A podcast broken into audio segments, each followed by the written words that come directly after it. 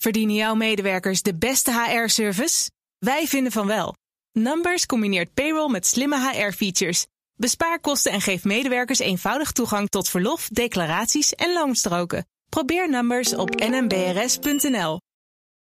Je wilt het beste voor je organisatie en dat is soms best een uitdaging. Met AVAS stroomlijn je al je bedrijfsprocessen. Zoals facturatie, payroll, maar ook je inkoop. En dat allemaal in dezelfde applicatie. Zo weet je met één hoe je ervoor staat. En hou je meer tijd over voor echt belangrijke zaken. AVAS Software, speciaal voor jouw organisatie. BNR Nieuwsradio. BNR breekt. Kees Dorrestein. Yes, goed dat je erbij bent. Uh, we gaan jouw ochtend weer even breken tot 12 uur. En we gaan deze week door met onze verkiezingsreeks. Waarin ik elke dag met een jong kandidaat Kamerlid spreek. over de plannen van zijn of haar partij met Nederland. En natuurlijk zijn eigen plannen. Vandaag Harme Krul in de studio. Goedemorgen. Aanwezig. Goedemorgen. Ja, jij bent geen onbekende, want je bent hier eigenlijk vast panellid. Ja, kind aan huis, ja. ja, Als, als jij het goed doet tijdens de verkiezingen, ben je geen vast panellid meer. Ja, nou, is dat zo? Word Nee, je dan ontslagen? Dat, dat weet ik eigenlijk niet. Ik kijk even naar de regie. Wordt hij dan ontslagen? Nee. Nou, er wordt, er wordt negen, negen geschud. Nou, Oké, nou. hartstikke idee. Joh, die politici die fixen hun baantjes gewoon zo weer. Hè? jongen, jongen, jongen. Nee, ehm, eh, voor, voor wie jou niet kent. eh, jij staat op nummer 21 voor eh, het CDA. Dat is een beetje de bubbel, hè? Dat is, dat, je bedoelt de net niet plek? De- ja, de- bij poker noemen ze dat de bubbel. Als je De dan net bubbel. vierde bent geworden en eh, hoor, met nee, niks nee, naar huis gaat.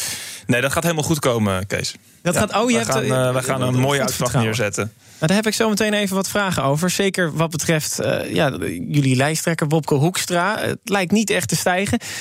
Maar eerst eventjes, voor wie jou niet kent als panellid... Even, even een voorstel, eh, rondje. Eh, als jong kandidaat Kamerlid, je bent de jongste van het Ja, CDA. Je de zit jongste ook, op de lijst, inderdaad. eh, je zit al in de gemeenteraad. ik zit op de gemeenteraad in Den Helder. De prachtige gemeente Den Helder, inderdaad. En hoe ben jij zo bij het CDA terechtgekomen? Eh, nou, ik ben zelf militair in het, in het dagelijks leven. En daar ja, sprak ik een paar mensen van het, eh, van het CDA als, jong, als jonge eh, jongen. En eh, zodoende ben ik er een beetje bijgekomen. Lokaal actief geworden in Den Helder. Een stad waar heel veel moet gebeuren. En heel veel gebeurt ook. Ehm, en ik heb altijd geleerd, ja, als je het verschil wil maken ergens... dan moet je zijn waar het verschil gemaakt wordt. En dat is in Den Haag. Toch, Den Helder, eh, dat moet nog heel veel gebeuren. Maar je denkt, nee, als ik naar Den Haag kan, dan ga ik maar weg. Nou ja, Den Haag kan wel wat Den Helder gebruiken, zeg Den. Haag kan wat Den Helder gebruiken. En ehm, eh, jij eh, hebt ook bij de marine gewerkt. Werk je daar nog steeds? Ja, ja, ja ik Nog ben gewoon militair inderdaad. Dus dit zou ook betekenen dat ik mijn uniform voor goed, of in ieder geval tijdelijk voor goed, uit, uittrek. Wat vinden de collega's? Nou, die, dat is een goede. Die zeggen altijd wel, hoe kan je dat nou rijmen? Hè? Politiek en militair zijn, dat zijn toch twee uitersten. Maar dat valt wel mee, want ook in de politiek werk je met een team. Ook in de politiek zet je je in voor de samenleving. Eh, dus er zitten meer raakvlakken dan mensen denken. En als ik dan ook nog eens vertel dat we, dat we een goed programma hebben voor Defensie... dan, eh, dan krijg ik de handen wel op elkaar, eh, daar, collega's. daar wil ik het zo meteen ook nog even met je over hebben. Maar allereerst, we hebben natuurlijk een breekijzer waar je op kan bellen. Eerst eventjes over het CDA op dit moment. BNR breekt.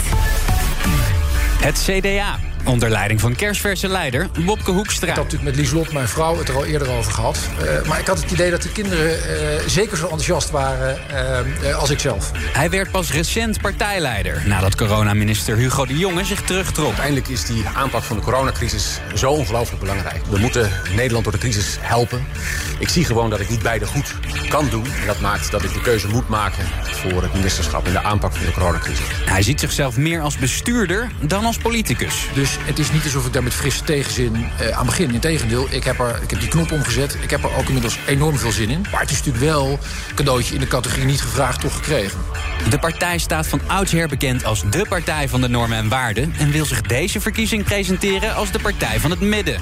Een alternatief voor de VVD van Mark Rutte. Ik ga er vol tegenaan om Nederland er weer bovenop te helpen.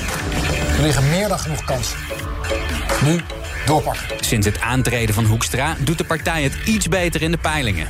Ze benaderen de 19 zetels die ze nu in de Kamer hebben. Vandaag in BNR breekt het CDA. Ja, en daarom hebben we ook het breekijzer over het CDA. BNR breekt. Breekijzer. Het CDA hoeft eigenlijk helemaal geen campagne te voeren. De partij is noodzakelijk voor een volgende coalitie. Wat vind jij? Eens of oneens? 020 468 4 keer 0 denk je... ja joh, CDA reageert altijd mee... Het regeert altijd mee, dus uh, ik reageer even. En uh, ik ben het er misschien wel mee eens. Of denk je, nee joh, die linkse partijen die komen op... en VVD gaat misschien wel over links. 020 468 4 keer 0. En uh, ja, Harme, jij bent natuurlijk onze politieke gast. We hebben ook een panellid, Sander van der Kraan van hey, Broodbuis. Goedemorgen.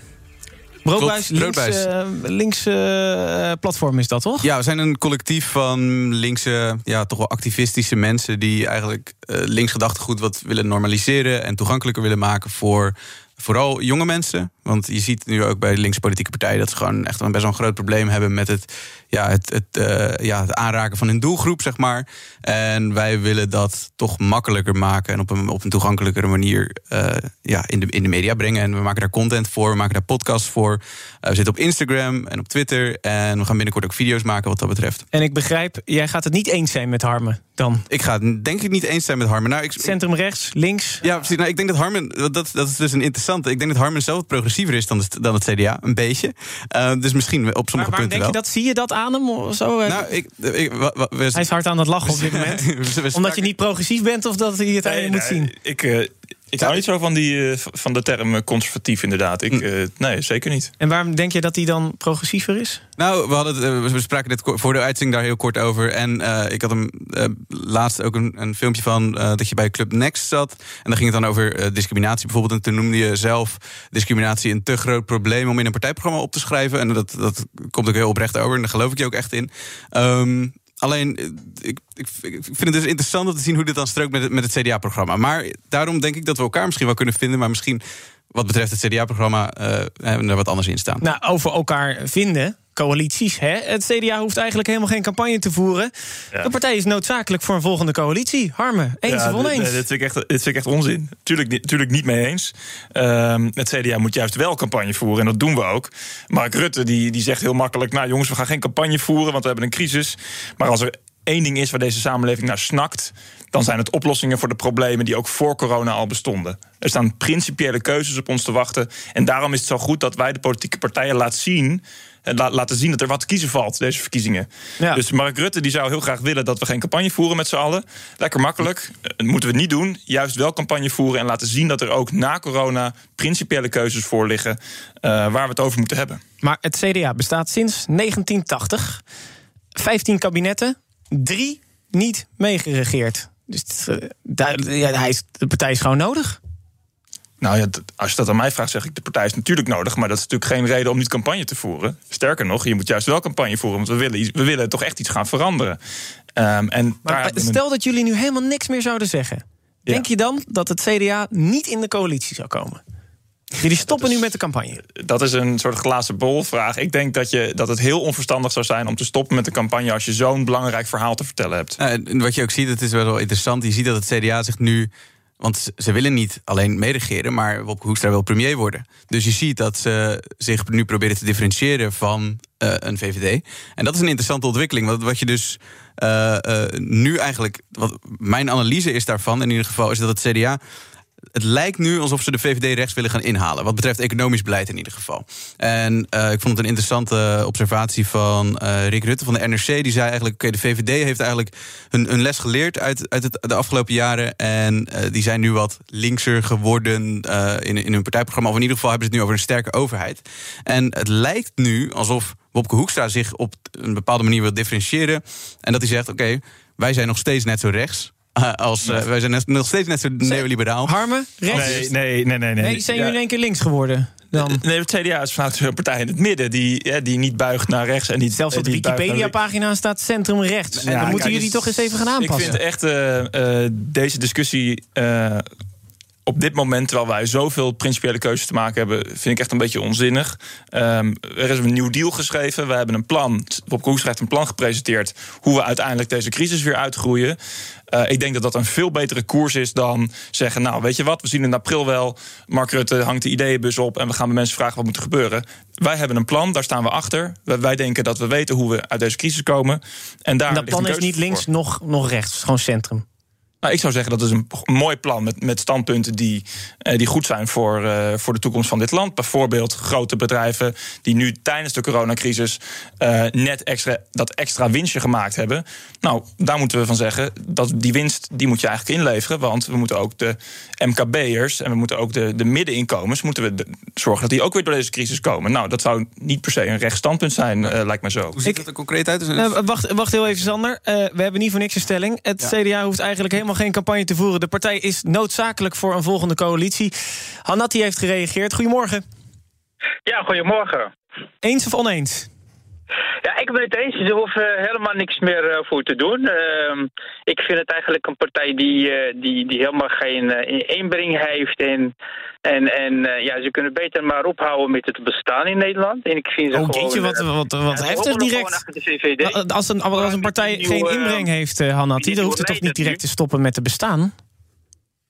Ja, ik vind die middenleider, die, die, die- ja, die straalt helemaal niks meer uit. En als die wat roept, roept hij van, van we gaan gewoon de WW korten. Dan denk ik van ja, dat is het enige houvast die mensen de, in deze crisistijd wil hebben. Zit u in de WW, meneer? Hebben om, ja, om, om, om na de crisis misschien iets nog te vinden. En dan willen ze hem juist korten na een jaar. Maar van, ja, zit- dus. Zit u in de WW? Eh, Even kijken of het ook nog u persoonlijk raakt dan. Dat, dat klopt, maar goed, eh, het is niet het enige punt. Eh, ik zit wel in de WW en ik kan geen werk vinden. Ik ben, eh, ik heb wel, ik ben wel 53 eh, jaar plus. En eh, ja, je wordt gewoon niet aangenomen om je leeftijd. Maar Oké, dat nou, dan, dan, vind ik het een goede. Eh, dank u wel eh, voor de reactie. Ik ga het zo meteen ook nog even over werk hebben met eh Harmen. Eerst nog even naar eh, meneer Huigens. eh, 020 468 4 keer 0 De stelling: het CDA hoeft eigenlijk helemaal geen campagne te voeren. De partij is noodzakelijk voor een volgende coalitie. Meneer Huigens, volgende coalitie met het CDA. Ziet u het zitten? Goedemorgen. Goedemorgen. Goedemorgen. Ik heb wel vragen over de lijn die het CDA gaat uitzetten. Het is, zijn natuurlijk nogal wat eh, lijsttrekkers geweest. Eh, de Jong was natuurlijk al de tweede en nu Hoekstra. Eh, wat is er nog over van de waarden en normen en dan met een streepje onder de C? Een beetje, een beetje net zoals Balkenende. Die zei dat toch altijd? De waarden en normen? Ja, ja, zeker. Maar de Balkenende is er niet meer. Die is al lang weg. Ja, ja die is al een tijdje weg, hè? Ja. We hebben nu te maken met een derde lijsttrekker, de Hoekstra. En die komt een beetje uit de lucht vallen voor mij. Wat is er nog over van het CDA zoals hij zich altijd heeft gepresenteerd? Oh, nou, goede vraag. Ik vraag direct aan Harmen. Wat is er nog over? Nou, de christelijke waarden zijn heel belangrijk voor het CDA. Het CDA is ook een partij eh, die, die vanuit waarden handelt. Het is niet per se een partij voor christenen, maar een partij die christelijke waarden omarmt. En dat betekent heel concreet, want ik ben jongere en ik moet heel veel jongeren overtuigen van dit punt. Want ja, die zeggen juist. Ik wil juist niet op het CDA stemmen, omdat ze zogenaamd zo heel christelijk zijn. Nou, dan stel ik een paar simpele vragen. Vind je het belangrijk dat we deze aarde, deze planeet, eh, op een goede manier achterlaten voor de volgende generaties? Zeggen ze, nou ja, ja vind ik wel belangrijk. Oké, vind je het dan belangrijk dat we zuinig met de, de centjes omgaan van, eh, van de overheid? Nou, vind ik ook wel belangrijk. Vind je het belangrijk dat we een beetje omzien naar elkaar? Ja, ook wel. Nou, dan ben je een stuk christelijker dan je denkt. Dat betekent niet dat je in God gelooft, maar dat betekent wel dat je die waarden omarmt. En, dat staat voor het heeft CDA. Wopke Hoekstra, meneer Huygens die zei net... ja, ik, ik, wie is die man? Ik herken hem helemaal niet. Nou, ik, ik, ik kan de tv niet aanzetten of ik zie mijn partij, eh, partijleider. Dus dat, eh, Word je er een beetje ziek van? Nee, helemaal niet. Ik, eh, ik, ik, ik word er juist een beetje blij van. En ik denk dat Hoekstra die, die waarden heel goed belichaamt en heel goed uitdraagt. Daar gaan we het verder over hebben. BNR breekt. Kees Dorrestein. Deze week, net zoals vorige week, verkiezingsspecial... met jonge kandidaat-Kamerleden. Harme Krul, de nummer 21 op de lijst van het CDA aanwezig. Sander van der Kraan van Broodbuis.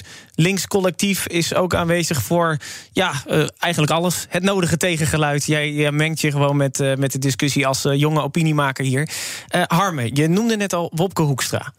Ehm, als je naar Peilingwijzer kijkt, 17 tot 19 zetels. Jij staat op 21, dan zou ik zeggen... Ome Wopke, doe eens beter je best. Ik wil de Kamer in. nou, volgens mij eh, is Wopke keihard en al die CDA's zijn keihard aan het werken om een goede uitslag neer te zetten. niet uit te betalen. Nou, ik, ik ben niet zo'n fan van peiling hoor. Dat ben ik ook nooit geweest. Want, Zou ik ook zeggen. Nou ja, inderdaad. Maar ook als je, als je wel in je voordeel spreken. Uiteindelijk eh, gaat het om wat er na 17 maart staat. En we hebben nog goede tijd om campagne te voeren. En En dan weten we pas wat de uitslag is. En tot die tijd eh, hou ik me niet zo bezig met, eh, met peilingen Oké, eigenlijk. maar als we het dan niet over peilingen hebben... daarna, daarna mag jij reageren, Sander. Sorry, ik ben een beetje zo'n eh heigerige presentator.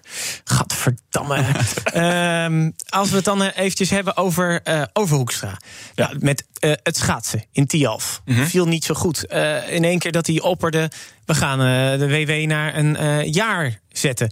Viel ook niet zo goed. CNV zei zelfs, dit is politieke harakiri. Dat is zelfmoord in het Japans. Ja, ik, ik weet wat harakiri is. Ja, ik denk voor de mensen die niet zo vaak naar Japan op vakantie gaan. Ehm, Dus ik hoop niet dat je het vaak ziet als je. naar nee, Japan dat op hoop ik zeker gaat, niet. Maar in ieder geval, en ook in de politieke podcast wordt wel gezegd.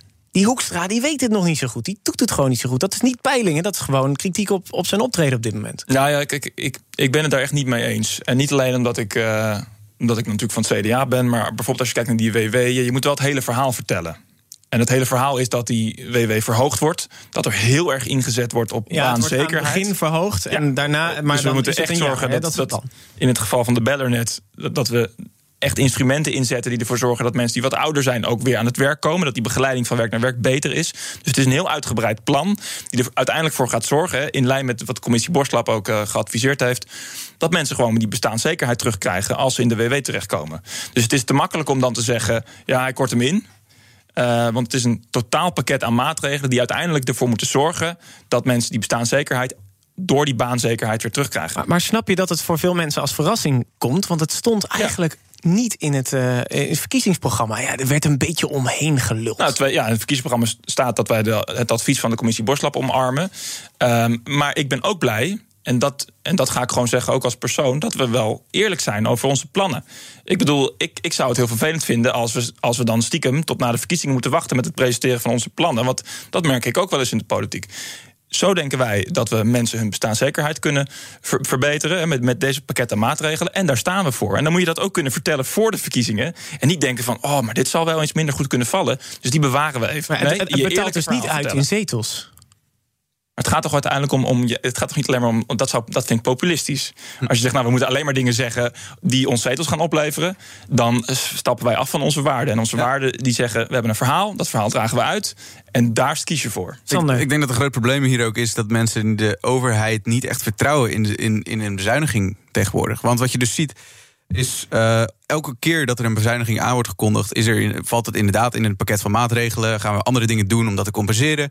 Um, uh, ik noem als voorbeeld het leenstelsel. Hè, wat er zou gebeuren, zou ja. worden geïnvesteerd in het onderwijs. En al de jaren voordat het leenstelsel in zou gaan, zou dat zeg maar gecompenseerd zijn, zodat de effecten uh, uiteindelijk netto positief zouden zijn voor de student. Dat was een beetje het idee.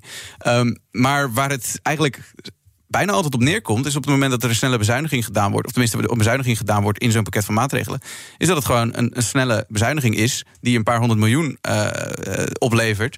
En waarbij dus die andere maatregelen eigenlijk of niet goed uit worden gevoerd, of helemaal niet, of dat de effecten daarvan niet effectief genoeg blijken. En dus op het moment dat, dat er weer een CDA zegt: oké, we gaan uh, korten op de sociale voorzieningen, dan gaan er heel veel, heel veel wantrouwende stemmen op. En dat lijkt me niet meer dan logisch. Want dat... ah, ja, daar ben ik, daar, kijk, daar ben ik het wel mee eens. Kijk, Um, punt 1, je moet zoiets niet doen in een crisis. Dus dan moet je heel zorgvuldig doen. Dan moet je je tijd voor nemen. Je moet die maatregelen niet allemaal in één keer over de schutting uh, gooien. Maar stapsgewijs doen. Niet in een crisis. Ja, en twee, dat, ik denk, hoop dat, dat we er nog over te komen te spreken. Dat leenstelsel is een heel goed voorbeeld van verwachting die niet uitkomt. Maar laten we het eerst even nog uh, bij de WW houden. 020 468 4 keer 0. Het CDA hoeft eigenlijk geen campagne te voeren. Want ze komen toch wel in de coalitie. Dat is de stelling. Mevrouw van Doorn, goedemorgen. Spreek ik met, ben ik uh, aan de beurt? Ja, u bent op de Nationale Radio op dit moment. Eens of oneens?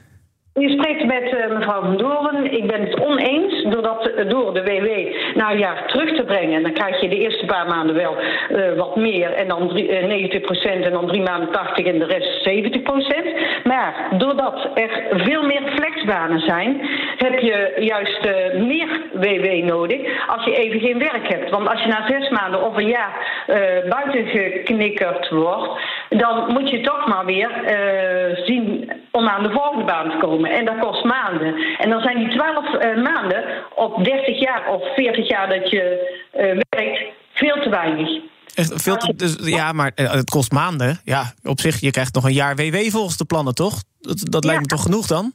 jaar WW op heel je leven, op je werkleven. Ja, je Dus krijgt, je krijgt weer een maandje per, per, per jaar dat je, dat je werkt, volgens mij, toch? Dus dan is het ook weer een jaartje werken. Dus dan blijf je dat maandje houden. Je, je werkt meestal maar zes maanden, een jaar, als je flexbanen hebt. En als je dan niet verder kunt, krijg je WW, heel fijn. Maar omdat je juist veel meer flexbanen nodig, eh, eh, dat er tegenwoordig veel meer flexbanen zijn, heb je juist veel meer WW nodig, veel meer jaren. Vanwege, eh, je wilt heel graag werken en eh, je doet je uiterste. Ja, nou, dat, dat klopt. Dat, dat, eh, Harmen, eh, hoe Ja, nee, reageer daar ben ik het mee eens. Uiteindelijk is werk, is denk ik, werken, is denk ik de, ja, de hoogste vorm van meedoen in de samenleving. En iedereen wil dat. En het is ook niet dat we na één jaar WW dat het dan stopt. Nee, we moeten zorgen dat mensen een baanzekerheid hebben. En dat doe je, als je die baan nog niet gevonden hebt, door bijvoorbeeld een basisbaan aan te bieden. Eh, een plan wat. wat Jullie willen een soort van de melkertbaan terug eh, laten komen, hè? En dat is, de- de- in ieder geval, het is- zo wordt het niet genoemd, maar wel Kijk, een beetje vergelijkbaar. We weten uit onderzoek dat als je werkt, dat dat heel veel ehm, eh, positieve bijwerkingen heeft. hè. Je, je zit beter in je vel, je, je doet mee in de samenleving. Dus je moet mensen niet laten vallen. Je moet zorgen dat iedereen mee kan. En als het dan na dat jaar verhoogde WW niet lukt in dat jaar, dan moet je ervoor zorgen dat mensen dus een soort basisbaan hebben. Ja, waarin je dan die transitie naar ander werk misschien wel weer beter kan maken. Maar dat je niet mensen laat vallen die tussen wal en schip vallen. Wat we nu vaak zien in dat tweede jaar WW. Ja, je, zegt, je, zegt daar, je stipt daar wel een interessant punt aan. Je zegt, ehm, iedereen wil werken en je ziet hoe belangrijk het is. Eh, alleen, het, eh, dit, het inkorten van de WW... en het va- valt ook wel in lijn van, van de ideologie... Waar, zoals van de CDA, zoals ik hem zie... is dat er eh, financiële prikkels nodig zijn om mensen aan het werk te krijgen. Maar wat vind jij er zelf van, van met jouw linkse achtergrond? Nou ja, wat ik dus. Kijk, dit is een ideologisch standpunt. Van oké, we hebben. eh, om iemand aan het werk te krijgen. moeten we hem eigenlijk een soort van beetje bang maken voor armoede en de gevolgen van niet werken. En dat is een, een, een, een van oudsher neoliberaal idee. En op het moment dat je dus, eh, nou ja, tenminste, deze, de- deze maatregel, die valt dus in lijn met dat. Terwijl Harmon hier zegt, oké, inderdaad, iedereen heeft van intrinsiek de motivatie om te werken, want dat verbetert je leven. Dat vinden mensen fijn. Mensen willen graag aan de slag. Ik vind dat die te- twee dingen niet echt verenigbaar zijn. Want dan zou je dus zeggen, eh, eh, we korten de WW in. Daarmee zeg je eigenlijk dat je mensen niet vertrouwt om zo snel mogelijk weer aan het werk te gaan. Dat je zegt, zeg maar, oké, die twee jaar is nodig. Ja, ja, ja kijk, ik ben, ik, we zijn het denk ik voor een groot gedeelte wel met elkaar eens, maar er zit een nuance in. Ehm, inderdaad, werk, iedereen wil werken. En, en er wordt wel eens een frame opgegooid. Ik, ik vind dat met name bij de VVD, dat je dat vaak hoort van ja, dat er mensen zijn die bewust in die WW blijven zitten omdat ze niet, niet zouden willen werken. Dat is onzin. Iedereen wil werken. Maar we zien dat in het huidige systeem, ook met die twee jaar, het voor een hele grote groep mensen moeilijk is. We hebben net aan de telefoon gehoord. Ja, ik ben wat ouder, ik word minder snel aangenomen. Of ik heb. eh, er zijn heel veel redenen. Dus het is niet alleen verkorten. En niet alleen de financiële prikkel, maar ook instrumenten inzetten. Ook die melkertbanen. Ja, maar ook, Als je- als je niks ook een transitietraject bijvoorbeeld. Hè, van iemand kunnen, goed kunnen omscholen. Het is en, en, en. En we weten dat als we die WW verhogen... Dat je, dat je makkelijker mee kan blijven doen in dat jaar. Dat je dus minder stress gaat ervaren van... ik ben mijn baan kwijt, ik heb nu ook allemaal financiële stress. En vervolgens word je geholpen, als het niet lukt, naar een andere baan. En dat is denk ik bestaanszekerheid... waardoor mensen nou, mee kunnen blijven doen in de samenleving. En dat we niet mensen laten vallen. Want het systeem zoals het nu werkt, we hebben het net gehoord... betekent ook voor heel veel mensen dat het niet lukt.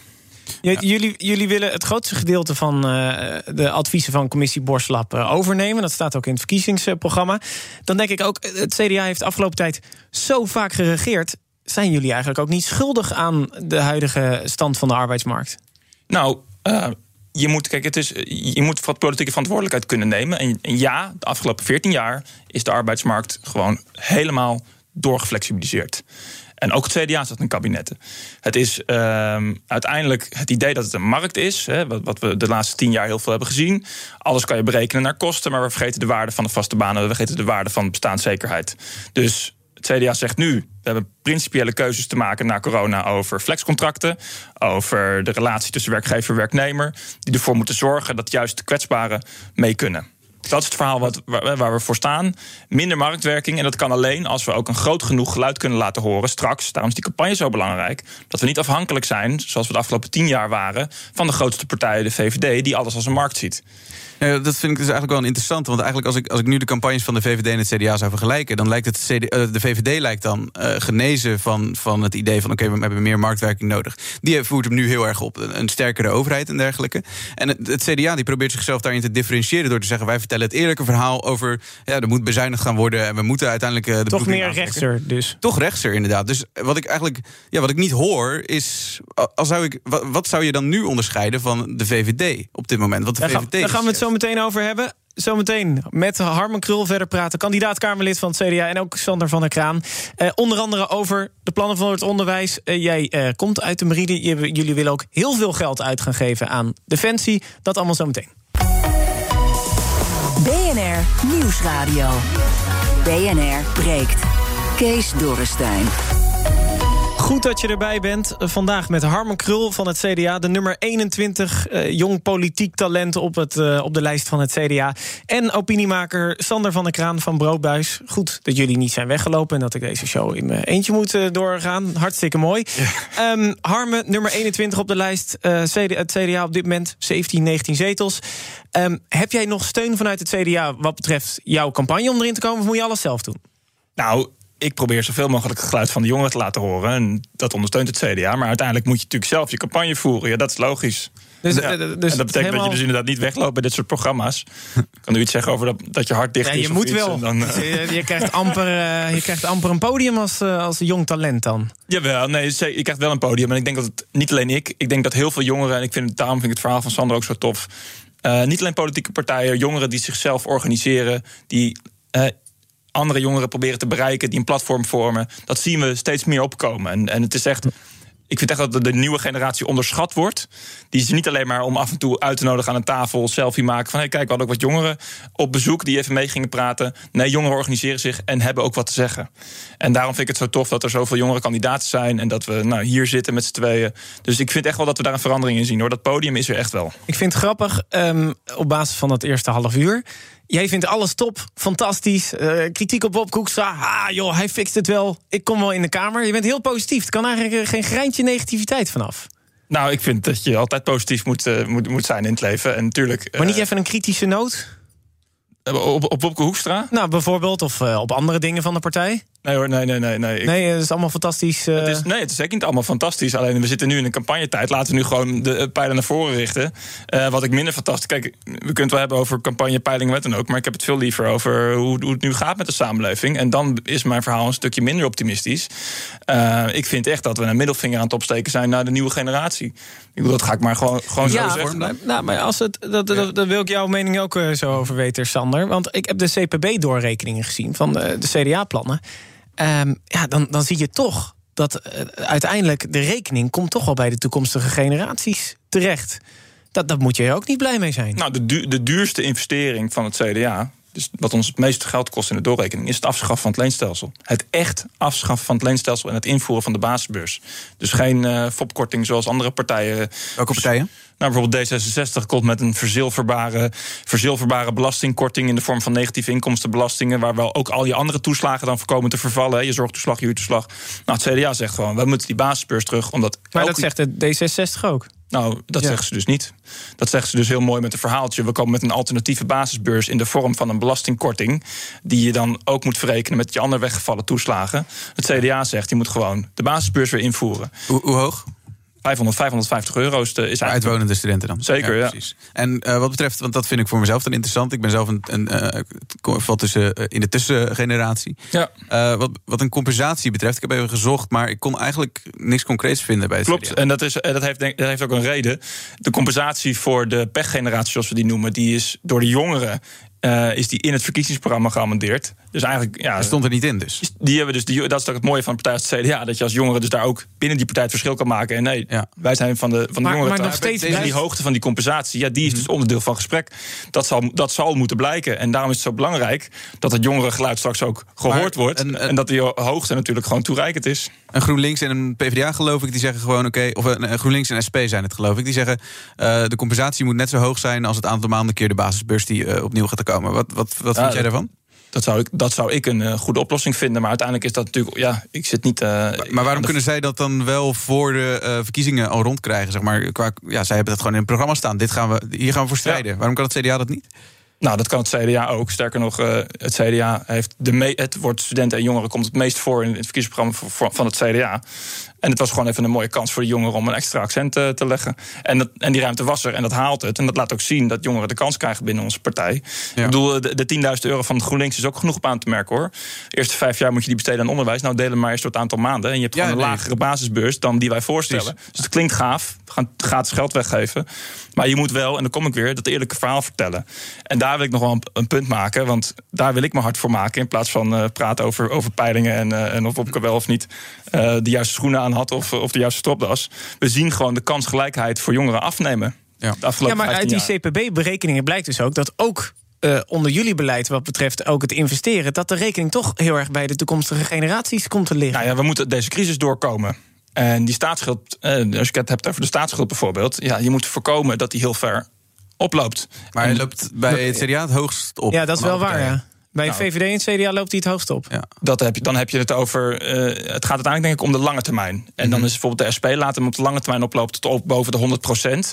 We moeten nu die crisis uit. En dan moet je maatregelen nemen zodat je voorkomt dat straks de echte toekomstige generatie de, de rekening moet betalen. En dan zul je zien dat bij de VVD, dus zo eerlijk ben ik ook alweer, ook bij het CDA.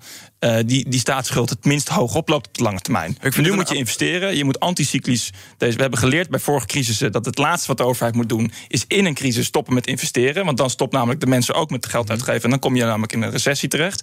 Maar op de lange termijn moet je natuurlijk ervoor zorgen dat de nieuwe generatie de rekening niet betaalt. Maar ja, maar het CPB heeft tot eh, 2025 door, eh, doorgerekend. En dan, dus in ieder geval op die termijn, zeggen ze... VVD en het CDA geven het meeste uit. Ja, om, die, om goed die crisis uit te komen. Maar denk je dat die rekening dan uiteindelijk niet bij jonge- jongeren eh, terecht Ja, want uiteindelijk zie je in de lange termijn doorrekeningen dat eh, de staatsschuld bij het CDA rond 60% eh, uitkomt. En dat is precies binnen de marge die wij als, nou ja, als schappelijk Maar hoe gaan jullie voorkomen dat de jongeren, dat de, de, de generatie Z van nu, die nu aan het studeren zijn, dat die dat niet hoeven terug te betalen? Of dat die niet zo'n grote druk erop krijgen? Nou, gelukkig ehm, heeft die generatie Z nog een heel leven voor zich.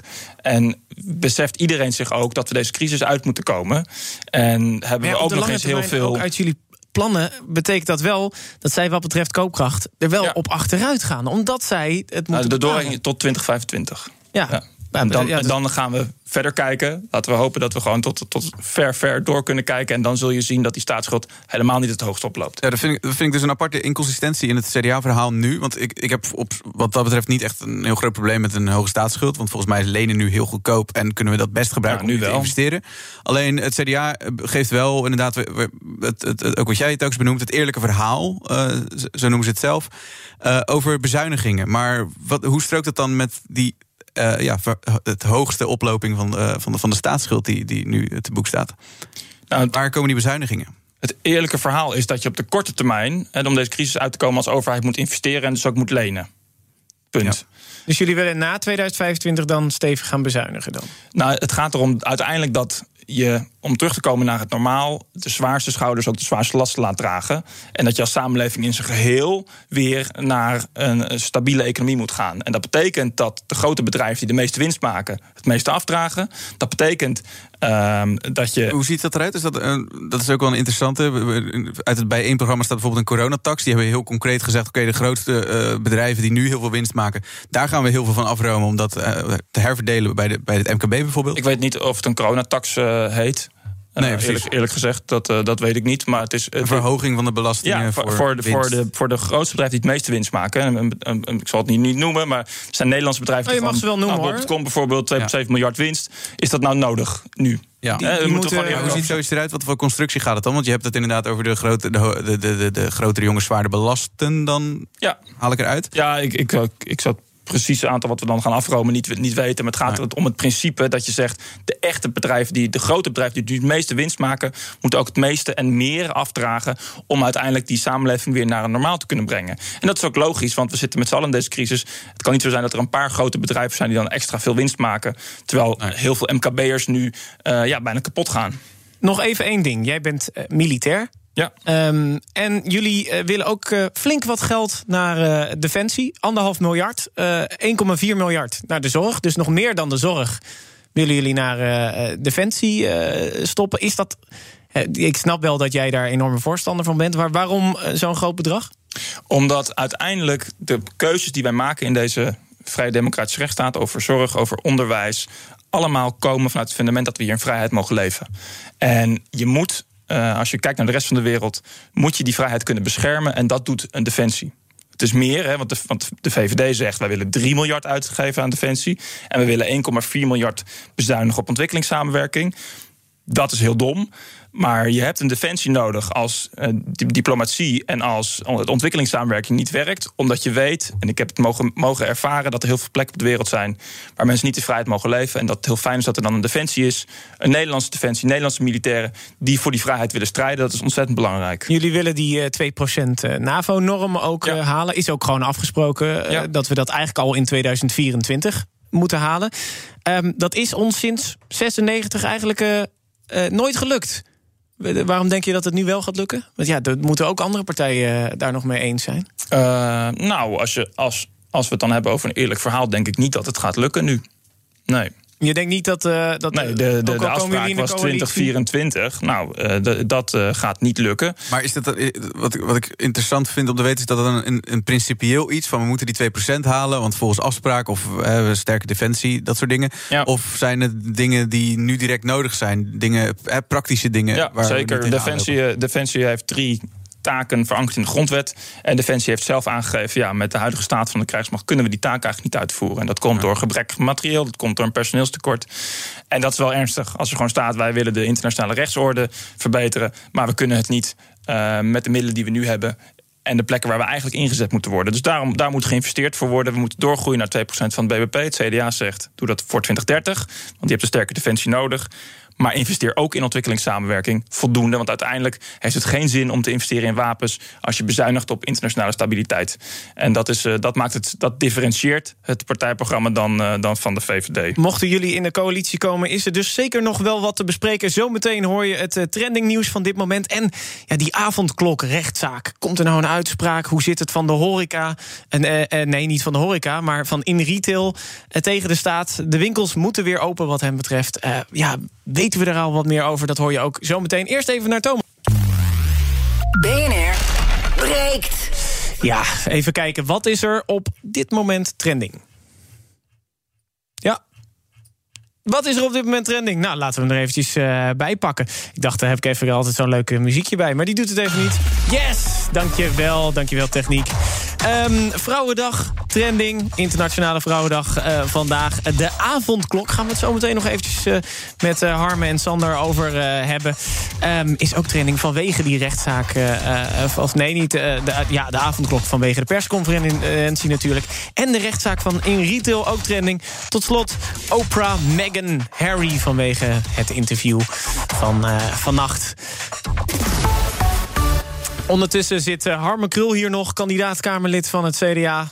21ste op de lijst. Je bent zelf 22 jongste uh, lid. Ik ben 26. Ik 26? zou 22 willen zijn. Uh, oh, joh. Ik, ik dacht, ik zou echt zweren dat, ik, uh, dat je 22 was. Maar je ziet er misschien 22 nou, dankjewel. Zo, dat is het. 26. En Sander van der Kraan van Broodbuis is hier ook nog. Um, ik wil het even met jullie hebben over een paar van die trending onderwerpen. allereerst, ja, de avondklok. En deze maatregel geldt net als de andere maatregelen in de lockdown tot en met 9 februari. Ja, want uh, uh, het lijkt erop dat die verlengd gaat worden tot 30 maart. Dus dat het niet bij die 9 februari is uh, gebleven. En dan waarschuwen bij BNR ook nog eens veiligheids- en gedragsdeskundigen het kabinet dat mensen zich eigenlijk steeds minder aan de regels wat betreft die avondklok gaan houden. Zeker als het warmer wordt. De urgentie neemt af. We zien minder risico op besmetting. We zijn optimistischer over wat we er tegen kunnen doen. Uh, de sociale maatregelen beginnen steeds meer te knellen. Het draagvlak voor het uh, beleid neemt af. Je zit onder de 50% op dit moment. Het draagvlak voor het kabinet neemt af. Dus nu, het kabinet doet er verstandig aan niet te licht te denken dat iedereen maar blijft doen wat men zegt. Harme, avondklok tot 30 maart. Verstandig? Ja, ja nodig. Dus heel erg balen. En ik, ik, ik kan me ook erg vinden in wat, wat, we net horen in het fragment. Van ja, het draagvlak neemt af. Uh, ja, dat, dat, dat snap ik wel. Maar als het nodig is, is het nodig. We zien in andere landen in Europa, Noorwegen bijvoorbeeld, dat, uh, dat de maatregelen gewoon weer strenger worden. Het gaat gewoon niet de goede kant op. Dus je moet doen wat nodig is. En dat is niet leuk. Sterker nog, het is verschrikkelijk. Als je, als je verhalen hoort van. Het gaat nu over de avondklok. Maar als, wat je ziet in de horeca en bij het MKB. Ja, dat is, net, dat is misschien net zo erg. Um, heel naar. Zeker. Het is, het is ook een ruilmiddel geworden. Want het zou als eerste weggaan. En nu zeggen ze, ja, we- kijk, we, we, we zorgen dan weer dat de kappers open kunnen. Maar ja, moet de avondklok, eh, die moet wel blijven. Ja, ik, ik heb hier al eerder in dit programma gezegd dat ik eh, het helemaal niks vind dat, dat dit soort maatregelen een soort politieke ruilhandel eh, worden. Dat, dat, dat is het niet. Het is een crisis en je moet doen wat nodig is. En ja, daar wordt, daarvoor wordt geadviseerd. Ik vind dat het advies eh, vanuit het OMT eh, te eendimensionaal is. Hè. Het gaat veel te veel over de platte medische cijfers. We moeten het veel meer hebben over de sociale schade. Ehm, de maatschappelijke vraag. Ook de economische schade? Ja, tuurlijk, ja ook over, tuurlijk over de economische schade. Daar zijn ook al die, al die hulppakketten voor, die no- noodpakketten. Alleen waar we het niet, wat ik denk wat we niet moeten gaan doen, is omdat het draagvlak afneemt, stoppen met het bestrijden van de coronacrisis. We moeten doen wat nodig is, erkennen dat het ontzettend zwaar is. En tegelijkertijd inzetten op hey, hoe gaan we nou om met de maatschappelijke schade die dit aanricht onder jongeren, eh, bijvoorbeeld. En, en dat, zou, eh, dat, dat mis ik af en toe. Maar dat betekent niet dat ik niet voorstander ben van de avondklok. Sander, avondklok? Ja, ik vind het een bizarre gewaarwording dat de avondklok nu als wisselgeld wordt gebruikt, inderdaad, voor, met andere maatregelen. Want de avondklok is de meest verregaande maatregel. En die zou als eerste weer teruggetrokken worden. En nu lijkt het alsof andere maatregelen voorrang krijgen. Maar, maar dan kan je ook denken, in ieder geval zijn er nu wat andere versoepelingen bijgekomen. Ja, dan zitten we maar vast aan die avondklok. Ja, nee, ik weet het niet. Ik denk, ik denk dat je moet, ook moet kijken naar het draagvlak. En ik denk dat door de avondklok het draagvlak heel erg is afgenomen. Omdat mensen zich. Het gaat, het gaat ook niet alleen om het feit dat je niet meer na negenen naar buiten kan. Maar ook om het beperkende gevoel eh, over iets waar je geen controle over hebt. eh, en dat je dus gewoon ja, niet eens meer een avondwandeling kan maken. Eerst, dat, dat dat kan dan voor een paar weken. Maar nu lijkt het dus inderdaad, wat ik zeg, een wisselgeld te worden voor andere maatregelen. En dat stoot, ja, dat, dat stoot mensen tegen de borst. En, Over eh, organisaties die het liefst andere maatregelen willen hebben. Eh, Lekker bruggetje. Het eh, geduld bij veel brancheorganisaties raakt op. Onder andere in retail. Om tien uur vanochtend is er een rechtszaak van in retail tegen de staat. Begonnen in retail wil heropening van winkels in Nederland afdwingen. Volgens de organisatie is het onverantwoord om langer te wachten. Behalve eh, met financiële problemen kampen ook veel ondernemers ook nog eens met stress en eh, mentale klachten. De winkeliers die vinden dat ze op een eh, verantwoorde manier gewoon weer open kunnen. Kijk, als wij nu de winkel zouden openen, we hebben nu een voorbeeld aangedragen van Nijmegen, dan gaat de eh, stroom van het publiek nauwelijks omhoog en we hebben wel 30% meer ruimte. Dus winkelen is gewoon veilig. De staat kijkt gewoon veel te eenzijdig naar het statistieken van Van Dissel.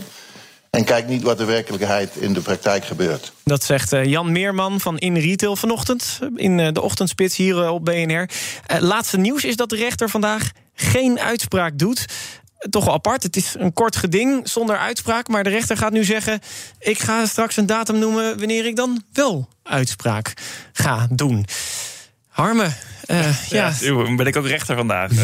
Nou, ja, je bent geen rechter, maar als je dan kijkt, eh, je, jij zegt Ja. al, je- jongeren hebben het zwaar, horeca heeft het zwaar, eh, de retail heeft het ook zwaar. Zeker, Die en zeggen, heel veel andere sectoren ook. En daar moet je naar luisteren. En je moet ook eh, die, die praktische vraag van wie mag wat wanneer...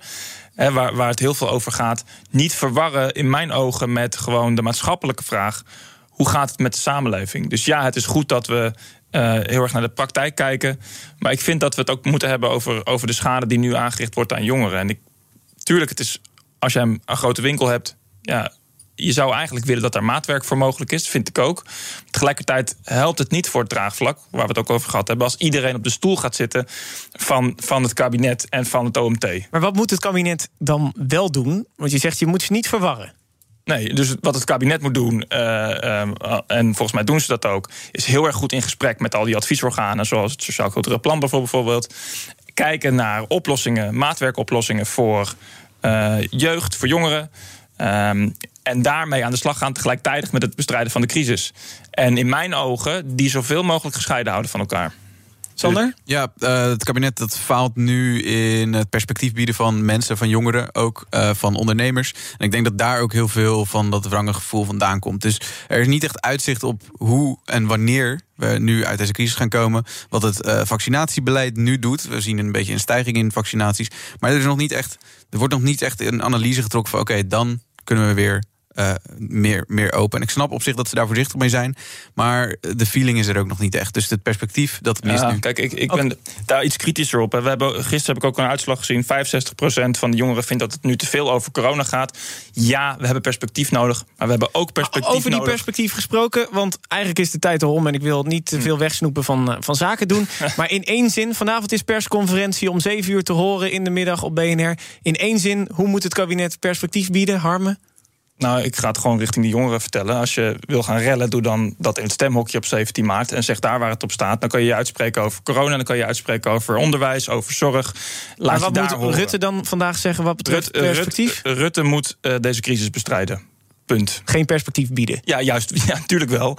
Maar volgens mij zijn we daar hard mee bezig. Sander, in één zin? Eh, ik durf het niet te zeggen wat Rutte nu moet doen. Ik wel juist perspectief bieden, juist meer op het gevoel inspelen. Van eh, in ieder geval perspectief dan, eh, dan en dan en dan gaat Ja. er dat gebeuren. Ja, du- meer duidelijkheid over, over, de, over de tijdlijn. Ja. Harmen Krul van het CDA. Heel veel succes wat betreft de campagne. Je gaat het eh, pittig krijgen op de 21ste plek ook nog. Want er staan nog wat titanen onder jou. Die Ja, ook nog campagne. eens. Chris van Dam, dat soort Veel dingen. talent. Eh, dus eh, we zullen het zien. En anders ben je gewoon lekker welkom. Ik hier was sowieso natuurlijk. welkom, toch? Of Nou, je was toch sowieso ontslagen? welkom, had de regie al gezegd een uur geleden. Dus je bent inderdaad welkom. Sander van der Kraan van Broodbuis, dankjewel. Morgen een nieuwe BNR breekt. Dan is de D66 is dan aan de beurt. Ondertussen kan je ons volgen. BNR op Twitter, Instagram. BNR Nieuwsradio. Morgen Partij voor de Dieren eh, trouwens. Woensdag D66 in deze politieke week. Zometeen BNR Zaken doen met Thomas van Zijl. Onder andere Kees de Kort ook natuurlijk. Dus lekker blijven luisteren. Verdienen jouw medewerkers de beste HR-service? Wij vinden van wel. Numbers combineert payroll met slimme HR-features. Bespaar kosten en geef medewerkers eenvoudig toegang tot verlof, declaraties en loonstroken. Probeer Numbers op nmbrs.nl.